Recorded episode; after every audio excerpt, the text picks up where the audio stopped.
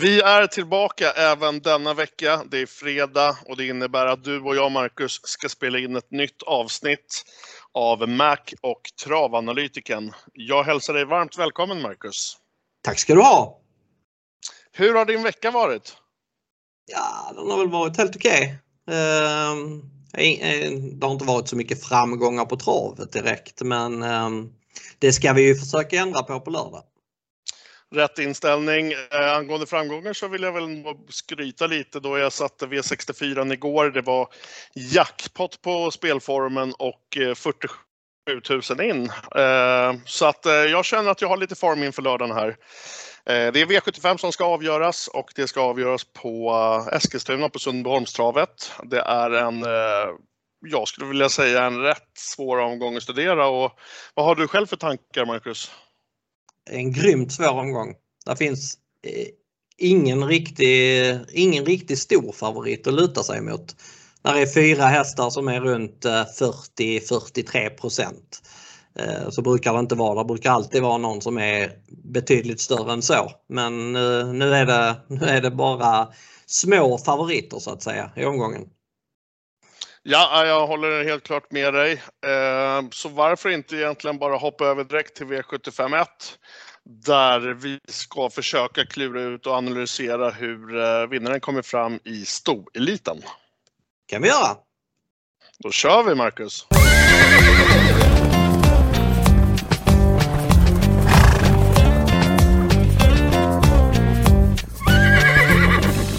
Det är ingen jackpot, men det är en sjukt intressant omgång från eh, Eskilstuna från Sundbyholmstravet som är en av mina favoritbanor. Eh, vi kommer starta V751 som sagt Marcus. Det är stoeliten och loppet mäter 26.40 autostart. När vi spelar in podden så står Heaven Boko som favorit i loppet. Skriver till 40 procent. Tankar där Marcus? Det är en av omgångens fyra halvstora favoriter. Ehm, hon eh, strulade lite efter en omstart förra gången och tappade väldigt mycket mark. Jag trodde på henne då men det, det, var, det var godnatt redan innan start faktiskt. Hon gick bra sen men jag tycker ändå att det är lite frågetecken för formen. Det var ändå ett tag sedan hon startade förra gången.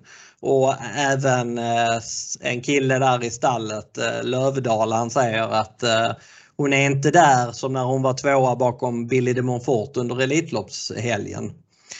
Alla verkar tro att hon ska komma till ledningen här men det är jag inte alls lika säker på. För jag har eh, kollat och jämfört startsnabbheten mellan Hevin Bok och Unique Juni. Och de har mötts eh, flera gånger det senaste ett och ett halvt året. De möttes under Elitloppshelgen. Då var de ganska jämnsnabba. Men eh, annars så har faktiskt Unique Juni varit snabbare och Förra året i mars så hade Unique Uni 5 och Hevin Boko 3 och då tog Unique Uni ganska enkelt en längd på, på Hevin Boko. Så är Örjan bara påställd så, så tror jag att Unique Uni har bra chans att komma till ledningen här i ett tidigt skede. Jag tror inte hon spetsar av egen kraft men jag tror att hon kan komma före Hevin Boko och få överta från eh, i, i, i ett andra läge i alla fall. Ja. Så Unique Uni är faktiskt min första häst. Eh, eh, den är klart intressant för att säga. Jag tycker väl själv eh, att V751 det är ett väldigt svårt lopp. Jag tycker att det är ganska öppet och det finns ingen solklar här för mig. Däremot håller jag med om vad du säger om Unicune att den står i 13% kontra 40% som det står på Heaven Book och att den ska ha 27% högre spelvärdeschans. Nej, det köper jag inte alls. Mm. Men, jag, men jag låter dig fortsätta där. Ja, Unique Uni har ju eh, dessutom får hon Örjan i sulken denna gången och det tycker jag är grymt intressant. Han har inte kört henne sedan juli 2018. Han har kört henne sex gånger totalt, vunnit en gång, tre andra platser och de gångerna han, hon har haft framspår med just Örjan i vagnen så har hon öppnat väldigt bra. Hon har faktiskt spetsat två av tre med Örjan i, i vagnen. Så ehm, det, det, tycker jag är superintressant. Sen är det dessutom till skillnad från senast så blir det både barfota och jänkarvagn. Hon har två av fyra på distansen på svensk mark jämfört med Hevin Boko som bara har vunnit en av fem på distansen. Så att det finns många plus för Unique Juni. Jag tycker att hon är solklar och eh, lägga överst i ranken med tanke på hur procenten ser ut just nu. Jag är lite nyfiken att höra Marcus, hur många hästar har du i din A-grupp? Jag har två hästar i min A-grupp. Jag har både Unique Uni och Kevin Boko. Sen tycker jag att Melby Free är ju klar andrahandare. Det blir ju en sån som alla vill hata bort den omgången. Jag förstår ju det till viss del. Eh, med tanke på att det är skor runt om nu. Skor, eh, senast hon gick med skor var i guld på Jägersro i april. Och då eh, gick hon väl bara hyggligt som sexa. Innan den starten hade hon inte gått med skor sedan juli 2018 så det är klart att skor på henne är ju en nackdel. Men distansen däremot tror jag inte är några problem för Mjällby Fri. Hon är väl den i loppet som har bäst statistik på distansen. Hon har startat på långt fem gånger, har tre vinster, två andra platser. Var tvåa i detta loppet förra året. Då fick, gick hon i ledningen och fick stryk av eh, Dear Friend. Eh, mm. Hon är ju väldigt startsnabb så trycker Björn av henne så borde det bli ledningen. Men jag tror ändå att med skor på så tror jag att han släpper. Ja, eh, det känns som att den skulle kunna få en snabbare start om den skulle gå barfota. Och nu när du pratar så gå in och kolla själv här och det är ju, det är ju barfota om egentligen hela tiden på om man kollar i arkivet här. Mm. Sen finns det ju, uh, om det skulle bli körning, så finns det ju att det skulle kunna bli en skräll också. Racing Brodda slog faktiskt Unique Uni förra gången, det gick, gick bra då. Den kan vinna. Eh, Milli Millionaire var jättefin vid spetsägaren senast efter omlagd träning och sen tycker jag att Digital Class till 1% är jätteintressant. Han har både knallform, bra läge och funkar bra på distansen så att det, det finns många plus på, på den 1 procentaren. Ja, som jag själv sa så tycker jag att V751 är ett väldigt öppet lopp och just nummer två Digital Class, det vet ju du Marcus, den hästen har jag jagat länge och den har varit väldigt bra men Ja, vi behöver den där ettan i raden. Ja, jag hoppas att den kommer redan nu, eh, nu på lördag. Eh, förutom den så skulle jag väl kanske vilja lyfta fram Eh, nummer fyra, Racing Brodda. Det är en, en häst som har betytt mycket för mig. Eh, det är en jättefin häst som 8% tycker jag kanske är något lite i det här loppet. Borde vara sträckad på 10, 11, ja kanske till och med 12 tycker jag. Eh, den, den, är ganska tidig för mig. Vad har du själv för tankar om just Racing Brodda? Ja, men det var som jag sa, den slog ju Unique Juni senast. Det är positivt att den ska gå utan bakskor denna gången. Den är startsnabb i jämförelse med många andra här. Den kommer ju få ett fint lopp så att eh, den har jag som fyra i min rank. Ja, ja men klart intressant. Eh, är det något annat som du skulle vilja lyfta fram i loppet? Några andra skrällar eller känner vi att vi ska blicka över mot V75 2? Nej, jag tycker vi känner oss rätt klara där. Snygg analys Marcus i V75 1. Vi går vidare mot V75 2.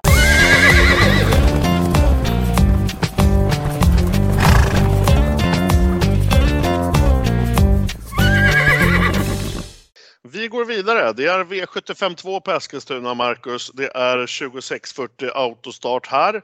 Det är klass 2 och återigen skulle väl jag vilja säga ett litet klurigt lopp då jag har en, en häst som skulle kunna vara en väldigt bra spik. Men jag har även en väldigt bra skräll i det här loppet så ja, jag, jag själv är lite kluven och säger väl i alla fall att nummer tre, That's So Clever, skulle kunna vara en väldigt bra spik till, till 40, eh, som eh, den står i just nu när vi spelar in podden. Eh, skrällen jag skulle vilja lyfta fram är nummer åtta, Isor Sisu med Örjan Kihlström. Eh, som sätter på en jänkare igen där. Eh, vad har du själv för tankar om, om just eh, hästarna som jag precis nämnde? Ja, vi börjar med Isor Sisu så är just eh, jänkarvagn jätteintressant på den. Den var jättebra när den vann på 13 och 1 full väg med just biken för, för tre starter sedan.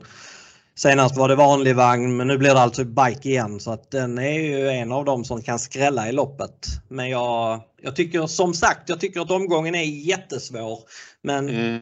den hästen som jag bedömer ha bäst chans i omgången är ju ändå That's So Clever så att eh, den kommer att bli spik på många av mina system. Eh, det finns många plus på den. Den, var, den är startsnabb, den är under rejäl utveckling, vann lätt eh, från spets senast via 9 fart sista sju mot ganska bra hästar. Innan dess så var den med i kriteriet. Eh, och i försöket i så spurtade den bra bakom Francesco Scott, Sett som sen vann eh, slutfinalen. Så att eh, den, eh, den är under rejäl utveckling den där. Det, ja, den gick faktiskt bra i skymundan i, i själva kriteriet också. Så att, eh, jag tror den spetsar här. Där finns eh, inget riktigt spetshot. Fyra är snabb och sju är snabb. Ettan skulle kunna vara snabb men han har aldrig varit med bakom bilen. Men ingen av dem tror jag kommer att ta emot uh, That's So Clever. Så det borde bli ganska billig spets på favoriten och sen uh, toppchans att vinna loppet. Så att, uh, det är en bra favorit tycker jag helt enkelt. Det borde väl vara ett rätt bra scenario som vi brukar säga, spets och slut, hämta ut. Precis, så känns det faktiskt. Det, ja det är väl, eh, jag går inte procenten upp alldeles för mycket så, så kommer jag som sagt att spika den på mina större system i alla fall. Eh, Andrahandare, väldigt klar sådan är La Verité nummer 10. Den både körs och ägs av Jorma Kontio. Och den är bra. Den är väldigt kapabel för klassen men eh, bakspår var nog inte riktigt vad man hade önskat sig med tanke på att Nej. den har vunnit fem lopp, tre från spets, två från döden. Så att, eh, det känns inte som några bra förutsättningar för honom med bakspår på, eh, på V75.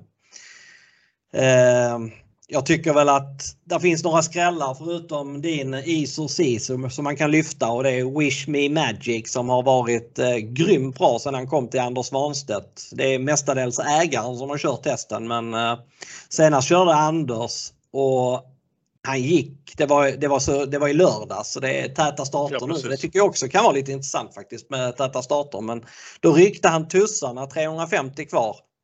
Det var första gången hästen gick med rycktussar och han reagerade inte alls bra på det först utan han bröt ut och tappade både mark och fart. Men sen så gick han riktigt bra över upploppet som femma.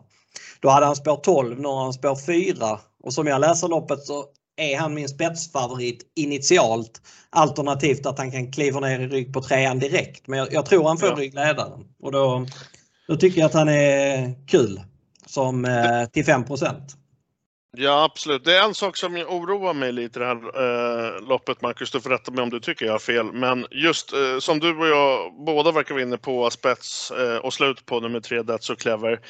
Nu när vi spelar in den här podden ska vi tillägga att den är runt tretiden en fredag och vi vet att många tipstjänster kommer nu lägga ut sina tips. Frågan är, jag är lite rädd att flera av tipstjänsterna kommer ha den här som omgångens bästa spik och det jag menar, vad kommer hända med streckfördelningen till imorgon? Alltså den kanske går upp något men den kanske, jag tror ändå inte att den går upp till mer än 45. Nej, okej. Okay.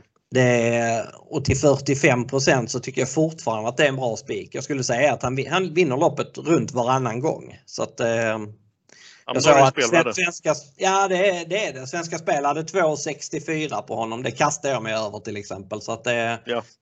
det, det tycker jag är... Eh, nej, jag, jag, tycker att han är en bra spik så länge han håller sig under 50 det finns ja, några andra roliga hästar som Gräserhelge nummer ett där. Kommer den iväg bra från start? Den har faktiskt aldrig haft framspår bakom bilen men skulle den komma iväg bra från start så, så kan den vara jätteintressant. Den spurtade sylvass senast. Det var nio sista fyra och det har varit Camilla Kolander som har kört testen i alla starter. Nu är det Magnus A. Djuse så det är, det är viss skillnad. Rätt bra byte där. Eh, det får man säga. Hon har kört, kört den jättebra men Djuse är ändå två nivåer upp känns det som. Sen skulle nummer 6, Oscar Run, kunna vara en superskall. Det, den går bra varje gång och första rycktussar nu kan vara jätteintressant på den. Så att, eh, och har ju vunnit över långdistans förut också ska vi kanske tillägga. Ja, den är kanske den som är mest gynnad av distansen i loppet faktiskt. Så att uh, den ska inte vara 1 Det Nej. vill jag ha tillagt. Men jag tror uh, att den clever. Ja, ja men uh, vi verkar väl rätt överens även i V75 2 här när alltså klass 2 ska avgöras på Sundbyholmstravet. Uh, och jag tänker, om det är okej för dig Marcus, att vi blickar vidare mot V75 3. Det gör vi. kör vi.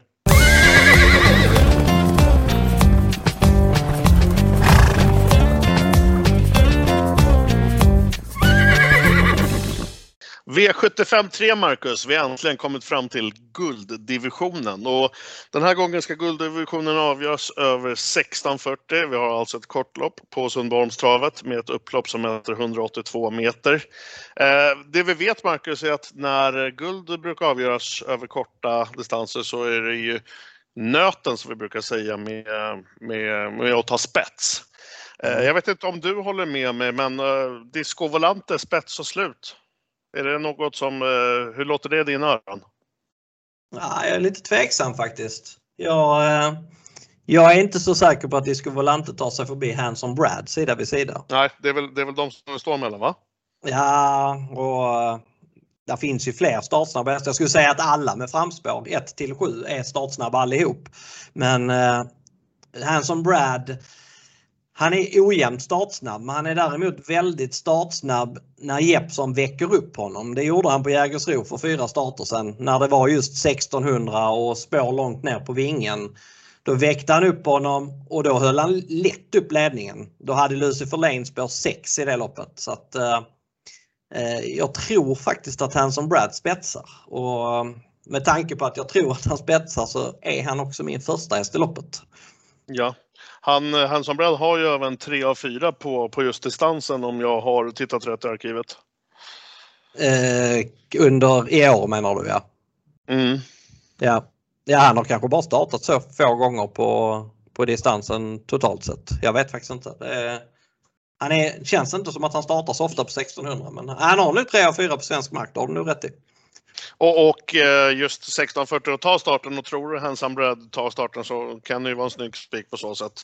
Uh, ja, vi är väl kanske lite oense där. Jag, jag, är inte helt säker. Jag tror nog faktiskt att Disco Volante tar starten. Uh, men ja, det är gulddivisionen och jag tror att de två eller tre sista avsnitten du och jag har spelat in så har jag sagt att det skräller i gulddivisionen. om du minns. Hur har det gått där? Ja, det har väl inte gått så bra på det. Nej, har vunnit favoriter. Men denna gången är det ju där är ju fem hästar som är betrodda i guld. Det är Brother Bill är favorit före Disco Volante, Hanson Brad, Diamanten och Milligan School. Sen är ju resten 3% eller mindre. Och Ja, eh, ja det, är väl, det är väl lite så att eh, oavsett vem som vinner så, så rensar det ju lite grann. Det brukar ju vara en större favorit utkristalliserad i, i, i en gulddivision. Men eh, det brukar det vara. Det, Brother Bill, att den är favorit, det tycker jag väl känns lite sådär. Visserligen slog han både Disco Volante och Milligan School förra gången från dödens och såg väl rätt så bra ut för att vara honom men jag tycker att han är ojämn. Alltså, näst, näst senast i SM såg han direkt dålig ut. Och denna gången så kommer han ju hamna i dödens igen i ett jämnare fält. Han måste vara väldigt bra för att vinna loppet. Så att eh, han rankar, jag rankar honom kanske ändå tvåa för att jag, jag, jag har ingen feeling för Disco Volante. Visserligen så han brukar ju hitta formen den här eh, årstiden eh, och det kommer han säkert göra igen men eh, jag vet inte om han riktigt är där än. Han var förbättrad förra gången men eh, eh jag, jag vet inte. Jag, jag har, har, inte riktigt den känslan för honom denna gången. Eh, men jag som ändå har varit inne de senaste avsnitten när vi har spelat in podden på att det kan skrälla i gulddivisionen. Om, om vi ska prata just lite skrällar då, för, för lyssnarnas skull som vill, vill hitta skrällar i gulddivisionen. Eh, det jag kan hitta det är väl för det första är väl nummer fyra Lucifer Lane som du nämnde där förut. Mm. Tycker jag är eh, jätteintressant till 2% Det är bra spår nu och man ska ju tävla även med bike för första gången. Eh, förutom, förutom Lucifer då, så uh, ja, bakspår från uh, gulddivisionen är absolut inte lätt men jag skulle ändå vilja lyfta upp Harran Boko som, som jag håller högt och går det snabbt och kraften att ta slut där framme på slutet så lyfter jag i alla fall ett litet varningens finger som jag brukar säga för nummer 11, Haron Bocco. Eh, har du några andra skrällar som du skulle vilja lyfta fram? Eller kommentera mina skrällar? Nej, jag skulle inte lyfta fram någon annan. Haran Boko har jag grym känsla för ska jag säga. Jag kanske spikar Hanson Brad på några kuponger men jag har Haran Boko som tvåa eller trea i min rank faktiskt. Jag, jag ja. har jättekänsla för honom. Han, eh, han var helt okörd vid spetssegern förra gången. Nu har han tagit 15 av sina 21 segrar från spets men jag skulle säga att blir det kört i rätt tempo så är inte han sämre bakifrån än från ledningen. Han var grymt bra i några lopp i början av året när han tävlade bakifrån. Eh, jag tror dessutom att han kommer hamna jäkligt bra på det faktiskt. Han har eh, en bra rygg i Brother Bill. Jag tror att han eh, kan slinka ner någonstans, typ tredje utvändigt kanske. Jag tror han kan hamna före Diamanten. Jag tror, diamanten hade jag lite feeling för från, i början av veckan men sen kollade jag honom från bakspår och han blir väldigt rullig efter 50 meter och är svår att köra på då. Så att jag är rädd att han hamnar något hack för långt bak och att Haramboko hamnar före honom. Och då tror jag Haramboko har betydligt bättre chans än vad Diamanten har. Så att eh, Haramboko är ju superspännande, verkligen. Ja men coolt Marcus. Vi har, eh, det är en rätt häftig gulddivision som kommer avgöras på Sundbyholm. Eh, ja, vi kan konstatera att du lyfter fram Hanson Brad. Jag lyfter även fram Disco Volante. Jag stormvarnar väl kanske lite för Lucifer Lane och vill eh, även lyfta med varningens finger där för Harran Bokum med, med Per Nordström som, som även du lyfter, lyfter högt i din ranking. Precis. Eh, vad säger du, ska vi gå över till V75 4? Japp. Grymt Marcus.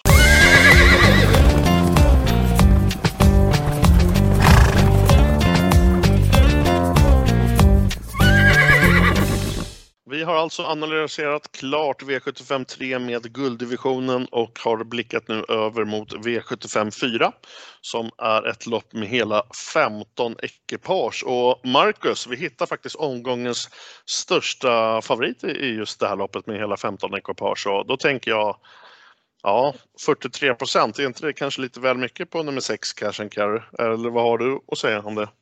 Alltså jag kan säga att det är väldigt överraskande att hon är så stor favorit. Eh, när jag eh, smög fram listan i söndags kväll så, så kände jag så att eh, ja, det här är ju draget i loppet för att hon är, hon är jättebra för klassen och hon kan, bli, hon kan vara intressant och chansspika i ett eh, öppet lopp. Men jag skulle inte chansspika henne till 43% Det kan jag säga. Jag trodde det skulle hamna på någonstans runt 30. Eh, absolut inte så mycket som 43. Men det är väl lite så att det är en svår omgång och det här är ett 15 hästars lopp. Folk eh, har inte så stora plånböcker och då måste de eh, spika sig ur problemet och då hamnar man kanske lätt på cash and carry. Man hamnar på den som är mest spelad och hon, hon råkade vara mest spelad i början av veckan och därför är, blir hon större favorit än vad hon hade varit en normal omgång så, så att säga. Ja. Så att, eh, men bra är hon ju, det kan jag säga. Men, eh, Absolut. Men eh, eh om jag kan galoppera. Ja, det får man väl också kalkylera in lite i 43% tänker jag. Och jag känner väl lite så här att just att spika i ett, i ett lopp med hela 15 ekipage är väldigt fräckt. Och jag kommer göra det, men jag kommer troligen inte spika nummer 6 Cash and Carry till 43% just när jag tänker lite matematiska poäng och räknar spelvärde.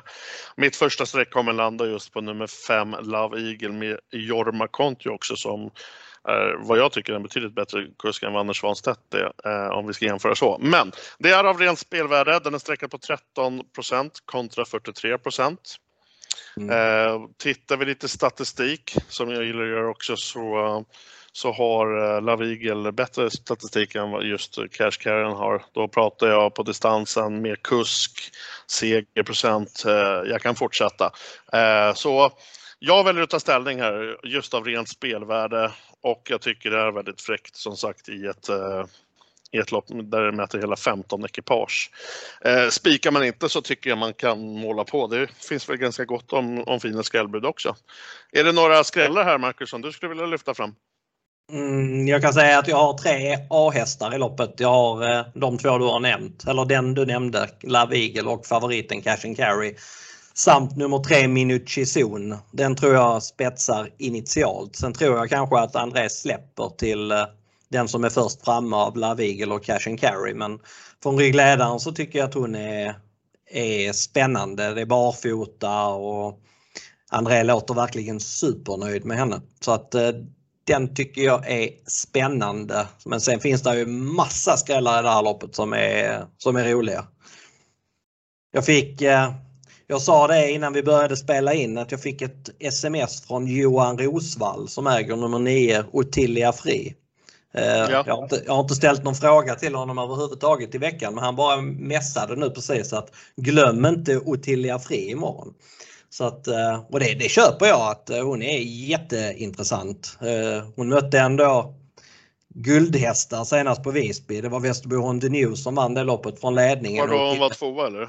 Ja precis och Ottilia ja. Friis spurtade jättebra, verkligen. Det var mil ner till trean i mål. Även näst senast så gick hon helt okej okay. och för tre starter sen så gick hon också bra så att eh, hon har hittat den där knallformen som hon har ibland. Så att eh, hon tycker jag är, hon tycker jag är kul. Eh, ja. Pappa Johnnys Ilse kan ju vinna. Den har en av en med Örjan och lopp i kroppen.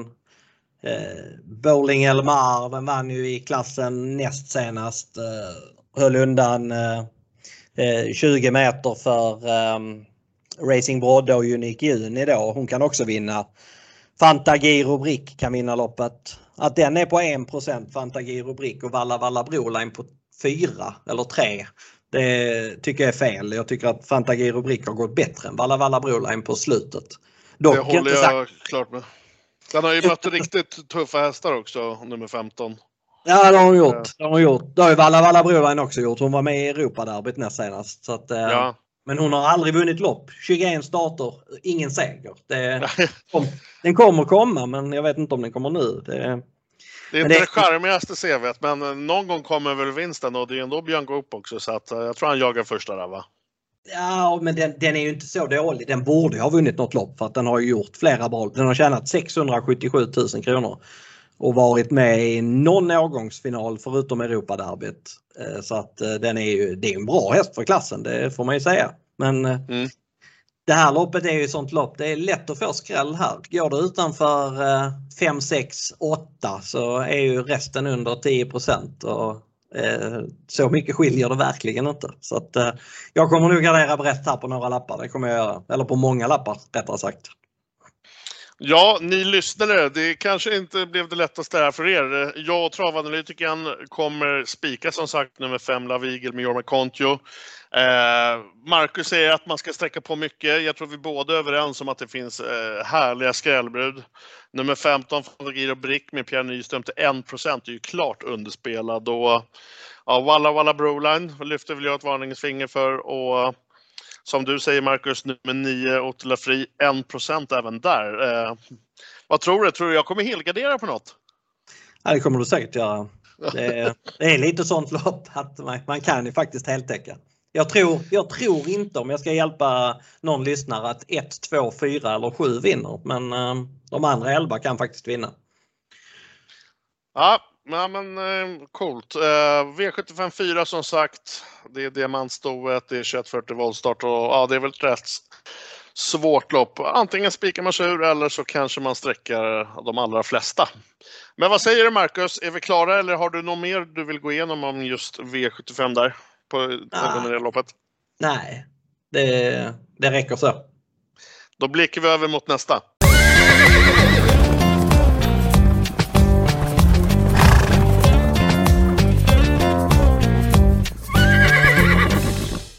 Vi blickar över till V75 5 på Eskilstuna, härliga Sundbyholmstravet. Vi har kommit fram till ett klass 1-lopp som mäter 2140 autostart. Eh, favorit i det här loppet är nummer 4, Mioma Contrio, vice versa Diamant med Katja Melko som tränare. Eh, 41 procent Marcus. Vad mm. säger du om det? Är det någonting du köper?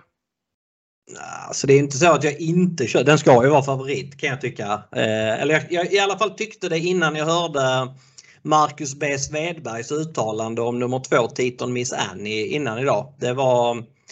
Jag tänkte nämligen att eh, efter när jag hade studerat spetsstriden i loppet så kom jag fram till att Titon Miss Annie borde bli väldigt svår att ta en längd på. Och på så sätt försvåra för Santos de Castella att vinna loppet. Men eh, Marcus B Svedberg, på honom lät det verkligen som att eh, de kommer inte att svara eh, Santos de Castella till varje pris. Så att Därmed är det ju stor chans att Santos de Castella kommer till ledningen och kommer han till spets, ja då kanske han borde vara favorit istället. Så att, eh, jag har nog svängt lite till Santos de Castellas fördel. Santos ja. de Castella har gått sju gånger i ledningen. Han har vunnit sex. Det är de gångerna han har vunnit överhuvudtaget och han har en andra plats. Så att eh, han, är, han är grymt bra i ledningen. Det är helt enkelt. Så att eh, kommer han dit utan att det kostar alldeles för mycket så har han ju bra chans att vinna loppet. Jag tycker dock att Vice Versa Diamant är en väldigt bra häst för klassen. Hon hade, eller han hade spår 12 på 1600 meter senast han var ute på V75 och han gick fortsatt bra. Jag hade 9,5 sista sex i spåren så att det var det var inte så mycket att snacka om att han, att han bara var fyra den gången. Det som är lite oroande här är att han faktiskt är anmäld med skor. Eh, jag tror väl inte att han kommer gå med skor men det är ju någonting som alla bör hålla koll på för eh, de tre senaste gångerna han har gått med skor runt om så har han faktiskt felat bort sig så att eh, det vore ett jätteminus om han gick med skor. Men känslan är väl att man ändrar till barfota fram under lördagen. Så att, men jag tycker absolut att man borde hålla koll på det. Ja, Eh, om vi tänker lite spelteori här Marcus. Att låsa på Santos och vice versa Diamant. Är det speltekniskt fel tycker du eller är det okej? Okay? Ja, så det är lite från omgång till omgång. Eh, jag tror ju att man har bra chans att ha rätt om man sträcker båda två. För jag tycker att, eh, jag tycker kanske att Titon Misani är lite överspelad med sina 17 Det eller jag tycker att den är klart överspelad med sina 17% För att den, eh, den borde kanske vara på runt 10. Ehm, så att ja, både och. En, en omgång som hade sett mer favoritbetonad ut så hade jag sagt att det var fel. Men den här omgången ser inte favoritbetonad ut och då, då kanske det är skönt att klara sig igenom ett lopp på två streck. Men jag, därmed inte sagt att jag kommer göra det. det jag, kommer, jag kommer nog eh, känslan just nu är väl att jag kanske kommer gå på Santos de Castella på några lappar. Eh, och sen kommer jag gardera lite bredare på, på vissa. För jag tycker där är vissa skrällar som man måste hålla upp i det här loppet. Ja, eh, men, men, om vi tänker för lyssnarnas skull så vi, vi, vi, kan i alla fall ge dem ett godkännande att låsa. ja, det är inte, det är inte fel. Det, det kan Nej. jag inte säga att det är. Ja, men jag, jag tycker som sagt att det finns några roliga skrällar i loppet. Om vi ska blicka just då eh, ett öga på skrällarna i det här loppet. Vad, vad lyfter du fram? Den bästa skrällen i loppet det tycker jag utan tvekan är nummer 10 Capital Gain eh, CC. Ja. Den, eh, den är 1% just nu och det är, det är bara, bara sjukt. Den och har gått alltid knepiga lägen för den så och kanske ja, lite knepigt även den här gången. Ja, det är lite sådär småknepigt. Samtidigt rygg på en häst som kan öppna ganska bra, Anchorman. Den, den kan rinna igenom bra från sitt bakspår. Så att eh, den har ju varit ute, den var ute i Breeders Crown förra gången. Hamnade helt fel på det men gick jättebra i skymundan bakom där Mr Hercules vann. Näst senast gick den också jättebra i skymundan. Och för tre starter sen var den ute i derbykval. Då hoppade den direkt bakom bilen. Sen gick den en ruggig upphämtning. Jag är helt säker på att den hade varit med i derbyt om den inte hade galopperat den dagen. Så att, uh, vi snackar en häst som har uh, visat kapacitet för att, för att vara med i fyraåringarnas största lopp för året. Uh, och att den, den är i näst lägsta klassen på V75 1 Det är i alla fall, det är i alla fall sjukt. Ja. Eh, nej, men det tycker jag väl är ganska rätt och bra och Bra analys om V75 5. Eh, har du något mer att tillägga förresten? Ja, Anchorman som jag nämnde lite som en startsnabb häst. Den, den är ganska startsnabb, den är inget spetsbud men den har ju varit ruggigt bra på slutet faktiskt. Och barfota nu igen? Eventuellt. Den är anmäld ja. så. Anmäld så ja. Eh, de intervjuerna jag så verkar det bli skor som senast. Nu tror inte jag att det gör supermycket. Den är ju klar för finalerna så han borde ju vänta med skorycket men eh, oavsett om det blir skor eller barfota så tycker jag att den är intressant som skräll. Command kan också vara, kan också vara sträckvärt till 4% Jag tror inte den har större chans än Capital Gain CC men jag kan ändå tycka att den är, är visst spel, det finns ett visst spelvärde i den. Global Virgin är också en procentare. Den är ju också väldigt intressant. Den uh, satt faktiskt fast i V75-finalen näst senast bakom Santos de Castella. Som den satt, eller senast var det, den, den satt, uh, satt i rygg på Santos de Castella, fick ryggledaren från spår 11 bakom bilen. Skulle den få ryggledaren här också och lycka till slut så ja. kan den absolut skrälla. Så att, uh, här, det finns två enprocentare i detta loppet som absolut inte borde vara enprocentare. Det, det vill jag ha sagt. Den står väl lite på tur också, Global Virgin, om man kollar i resultatraden. Ja, det får man säga. Den har gjort väldigt många bra lopp så att uh, den är den är, den är, ja, den är näst mest intressant efter uh, Capital Gain CC. Ja men grymt Marcus. Tack för din härliga analys där. Uh, vad säger du? Ska vi blicka vidare mot V75 6 och silverdivisionen? Det gör vi.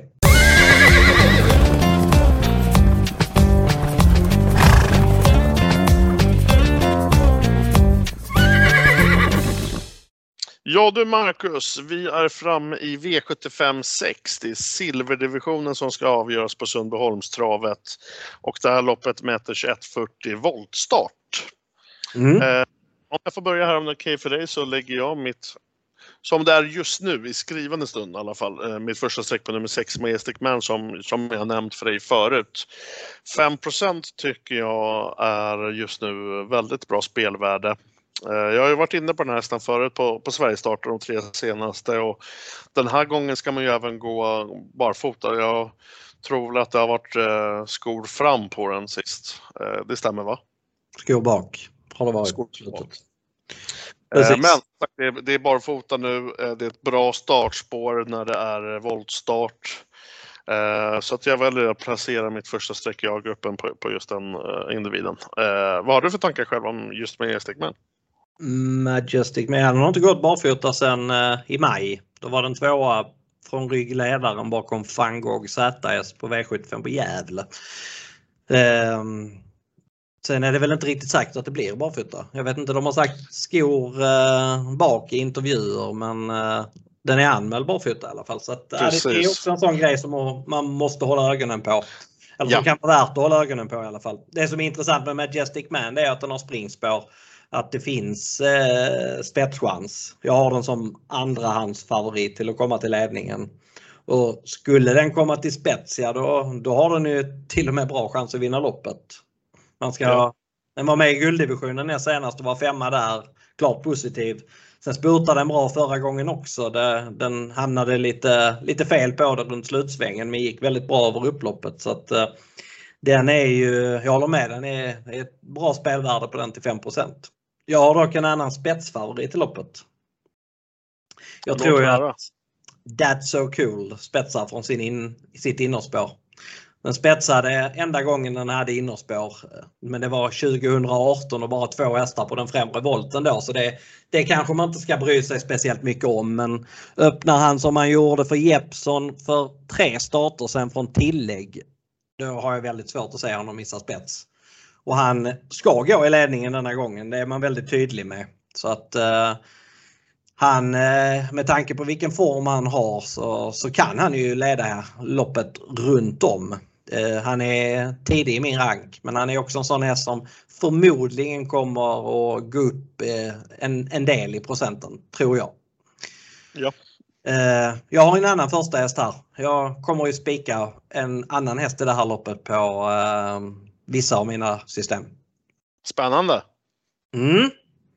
Jag lovar mig själv att, att gå på Bo C efter loppet förra gången. Det var ett grymt intryck. Han satt eh, bland de allra sista och sen gick han på varvet kvar. Sköljde fram utvändigt ledaren Admiral As och utmanade honom ända tills 100 från mål. Då tröt krafterna. Man gick ändå 10-9 sista varvet man vet ju vilken bra häst Bose är i grund och botten. Han, eh, han var grymt bra som fyraåring. Och han var tvåa i ett derbyförsök eh, för, för tre år sedan och sen var han spelad till tio gånger i finalen och alla trodde, eh, all, alla trodde på honom då kändes det som. Eh, då blev han väl bara, jag tror han blev sexa i derbyt och han, han, var inte alls lika bra som han var i försöket. Men sen var han ju grymt bra hos Basir i vintras. Eh, och nu har han fått två lopp i kroppen. Han har klarat spår 5 utan problem förut. Jag tror att han kan komma iväg ganska bra från början och få en bra position. Och är han sen lika bra som han var förra gången eller kanske till och med 5% bättre så, så tror jag han blir svårslagen. Jag tycker att eh, jag tycker han är jätteintressant till 15% Ja. Mm. Eh, om vi ska ta och blicka lite på, på skrälldragen i det här eh, loppet eh, på silverdivisionen så blir mitt, eh, vill jag lyfta som sagt det här varningens fingret för nummer 10 Phoenix Photo. Eh, det är Svante Eriksson som är tränare som även har kört den här hästen eh, på slutet och nu sätter man upp Per Lennartsson som jag tror kan vara en bra kusk för, för, eh, för den här hästen. Det är bakspår visst, men kollar man lite statistik och gräver där så har den 8 av 21 på distansen. Den har fyra av åtta just på den aktuella banan och den har eh, två av åtta på, på bakspår så att den har visat att den, att den kan vinna från just bakspår. Men den, den här hästen har betydligt bättre styrka än vad många tror. Sen har den väl lite eh, galopprisker som man självklart får kalkylera in i det matematiska. Eh, men vad har du själv förresten att säga om Phoenix Photo? Ja, han kan ju vinna. Han är, han är inget tidigt bud för mig men han är... Det är ju ett svårt lopp och han är väl... Eh, jag kanske, jag kanske betalar för honom om jag sträcker en 6, 7, 8 hästar. Men eh, inte tidigare än så. Nej. Däremot så vill jag varna för Bear Time. Han eh, verkar folk ha tröttnat helt på. Det, han har varit helt omöjlig bakom bilen. Ja. Det, det, han var, det var helt omöjligt. Först så trodde de att det var jänkarvagnen som gjorde att han inte kunde gå iväg. Men senast gick han faktiskt med vanlig vagn och han var precis lika omöjlig då. Men nu är det voltstart. Han har spår 8, han är jättesnabb i voltstart, han har rygg på spetsfavoriten. Han borde få ryggledaren. Och han gick väldigt bra efter galoppen förra gången också. Så att eh, han från ryggledaren med lucka, då, ja, då blir det roligt, det kan jag säga. Det är 4 där. har väl varit, han har i stort sett varit favorit någon gång på slutet eh, mot liknande motstånd. Nu har han egentligen en bättre uppgift så att eh, han, han kommer jag sträcka väldigt tidigt, det kan jag säga. Ja men cool och, och tack för den analysen Marcus. Uh, innan vi blickar ja. över till... Ja. Vi har, inte nämnt, vi har inte nämnt de som är favoriter i loppet än. Nej, det, blir, det tänkte vara min eh, nästa fråga. Vad, vad, mm. vad du tror om dem? 26 procent på, på på Lehmann med Björn Goop känner jag väl själv är, är, är överspelat i alla fall. Ja, det är väl omgångens sämsta favorit skulle jag säga. Det, det, den kan såklart vinna men den, den ska ju inte vara favorit. Den, är, när den, när den, den mötte just andrahandaren Gardner Shaw näst senast på um, eh, årgäng. Då stod Svesak Palema i 3,50 och Gardner Show i 1,70. Eh, Gardner Show vann loppet från ledningen och Svesak Palema höll bra som tvåa utvändigt ledaren men nu är det voltstart och blir det både vanlig vagn och bakskor. Hon har även varit osäker. Hon hoppade faktiskt eh, kort efter start när hon hade just spår 2 på tillägg för fyra starter sedan. Så att eh, Äh, hon, eh, hon känns som en svag favorit. Gardner Shore trodde jag lite på när jag såg listan. Då tänkte jag att fan, han, han kommer nu till ledningen här. Men så kollade jag hur han har varit i voltstart och han är ju inte snabb alltså. Han hade, han hade springspår för den starten längst upp. Det var ett kvallopp. Då hade han springspår på um, Eh, i, i kvalet och då fick han verkligen ingen pangstart utan kom till ledningen först efter 400 meter. Så jag tror inte han kommer till spets. Så han var dessutom inte bra förra gången. Då gav han sig oväntat enkelt från ledningen. Så att, eh, han känns väl också lite småkall som hårt betrodd. Så att, eh, jag rankar Bo C före That's So Cool och sen har jag Majestic Man och Bear Time där bakom. Så att, eh, de, de fyra tycker jag, man, jag tycker det känns ganska, ganska starkt på dem faktiskt. Eh, vi kan väl konstatera att vi har väl två hästar där framme. Du har ju Bo, Bosé och Majestic Man precis som jag fast vi har dem om, omvänt mot varandra kan man väl säga. Okej, okay, okej. Okay. Mm. Uh, V75 6 alltså, det var silverdivisionen. Uh, något mer att tillägga Marcus? Eller ska vi blicka över mot bronsdivisionen? Ja, vi blickar över mot brons.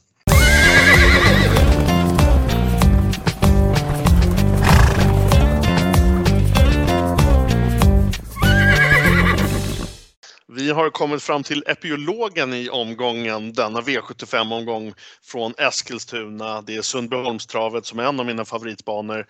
V75 7, Marcus. Det är bronsdivisionen. Det är 2140 autostart.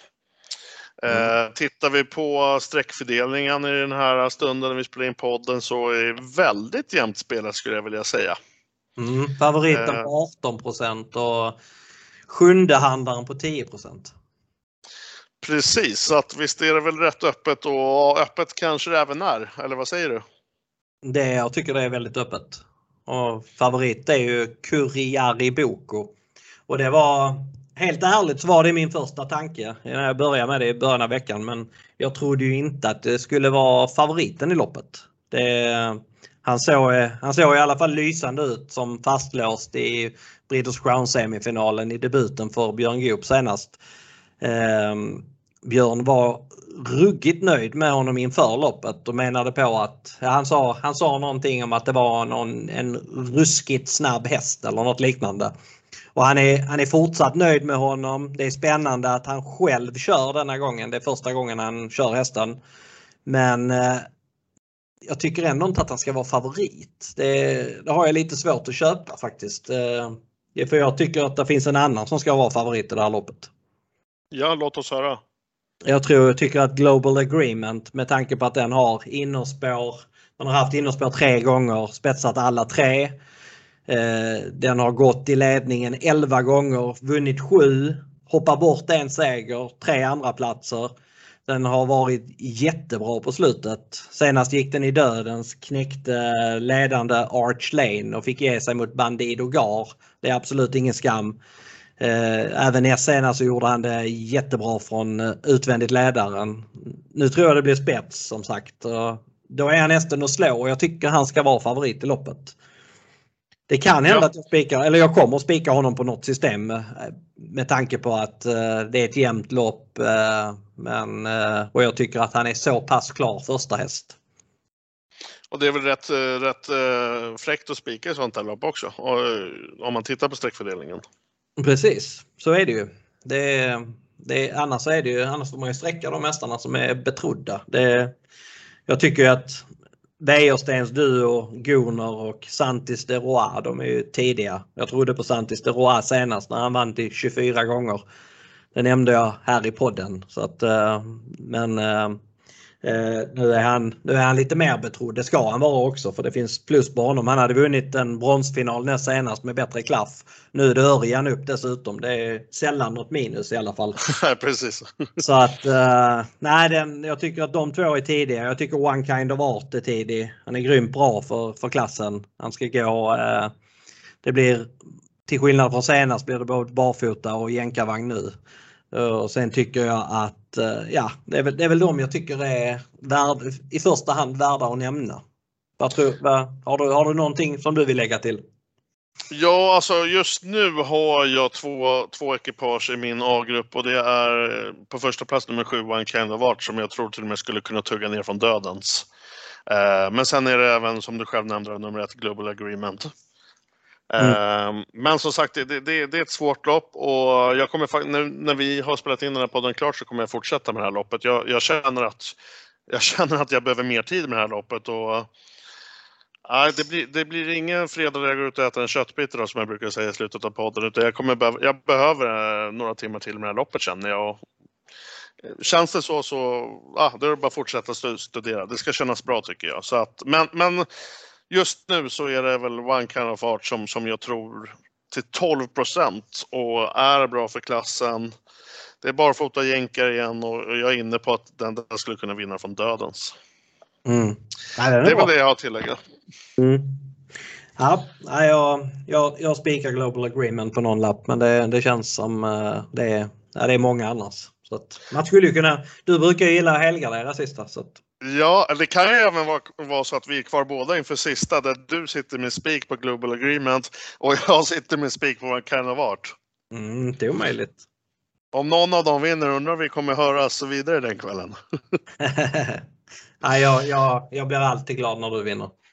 Ja, tack. Detsamma, detsamma. Nej, men visst, jag håller väl med. Det, det är en öppen omgång på Sundbyholmstravet denna lördag på V75. Det är en sjukt spännande omgång och ja, jag tror att det kan bli en eh, massiv utdelning faktiskt på 7 rätt. Ja, förra året så hade ingen 7 rätt och då gav eh, typ 6 rätt 6 700 000 och 5 rätt 11 12 000. Det, det, skulle kunna bli något sånt i år igen faktiskt. Jag, jag tror i alla fall att det blir sexsiffrigt på lördag, det är jag ganska säker på. Vi har faktiskt en sak kvar att ta upp i den här podden. Mm. Vi, ska, vi har fått stryk, Marcus, av eh, veckans vinnare. Ja. Så att, eh, det tänkte jag att vi ska prata vidare om snart.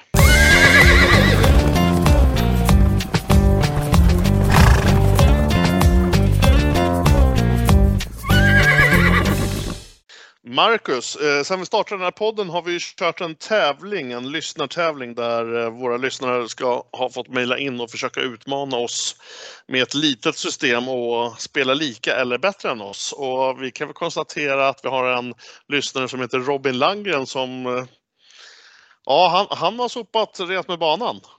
Mm, det var grymt. Det är ja. hatten av för honom. Han spelade lika med mig förra, förra, förra lördagen och han spelade lika med dig förra lördagen. Och det vi sa var att ett lika resultat var lika med vinst.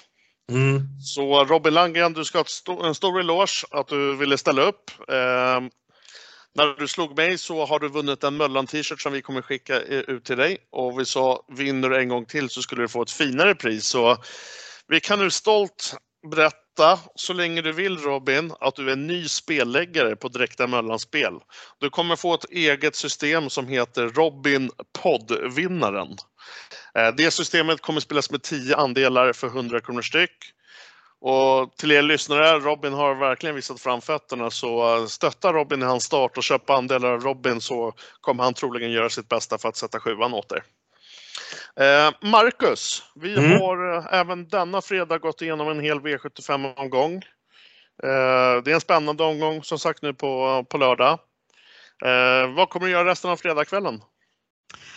Eh, nu ska jag åka hem och eh, tillbringa tid med familjen tänkte jag dricka någon öl och titta på någon film och bara, ja, bara, bara vila mig i form inför morgondagen. Vad, eh, har, du, har, har du en bra känsla för morgondagen? En grym känsla, det har jag faktiskt. Det, det känns som att eh, gör man bara rätt imorgon så kommer man bli rikligt belönad. Och det, det hoppas jag att, att jag gör. Eller hoppas jag att vi kanske gör på något av våra gemensamma system. Precis, och vill ni spela med Marcus eller mig, Travanalytiken, så hittar ni våra andelar och system på Direkta Mellanspel. Vet ni inte hur ni kommer dit, så in på www.atg.se. Under menyn så finns det ett ämne som heter butiksandelar. Där trycker ni i sökfältet så söker ni på Direkta Mellanspel och där kommer ni till ombudet där jag och Marcus spelar. Och vi har även ett system som heter Mac och Travanalytiken Podcast Eh, det systemet grundar sig på analyserna som ni hör från denna podd. Det är 15 andelar, andelspriset ligger på 333 kronor. Så gillar ni analyserna som ni hört idag, varför inte hugga en andel direkt innan det blir slutsålt? Eh, och det jag vill tillägga, gillar ni vår podd så in och gilla, följ, dela allt vad det heter. Det är Spotify och Podbean och det är Google och både det ena och det andra. Och sprid gärna ordet om oss om ni, om ni, om ni uppskattar det ni hör som sagt. Eh, Marcus. Mm. Jag vill slutligen tacka dig för att du ställde upp även den här fredagen och så skulle jag väl självklart vilja önska dig stort lycka till på V75 imorgon och en trevlig helg. Detsamma. Vi hörs väl på luren imorgon va? Det gör vi.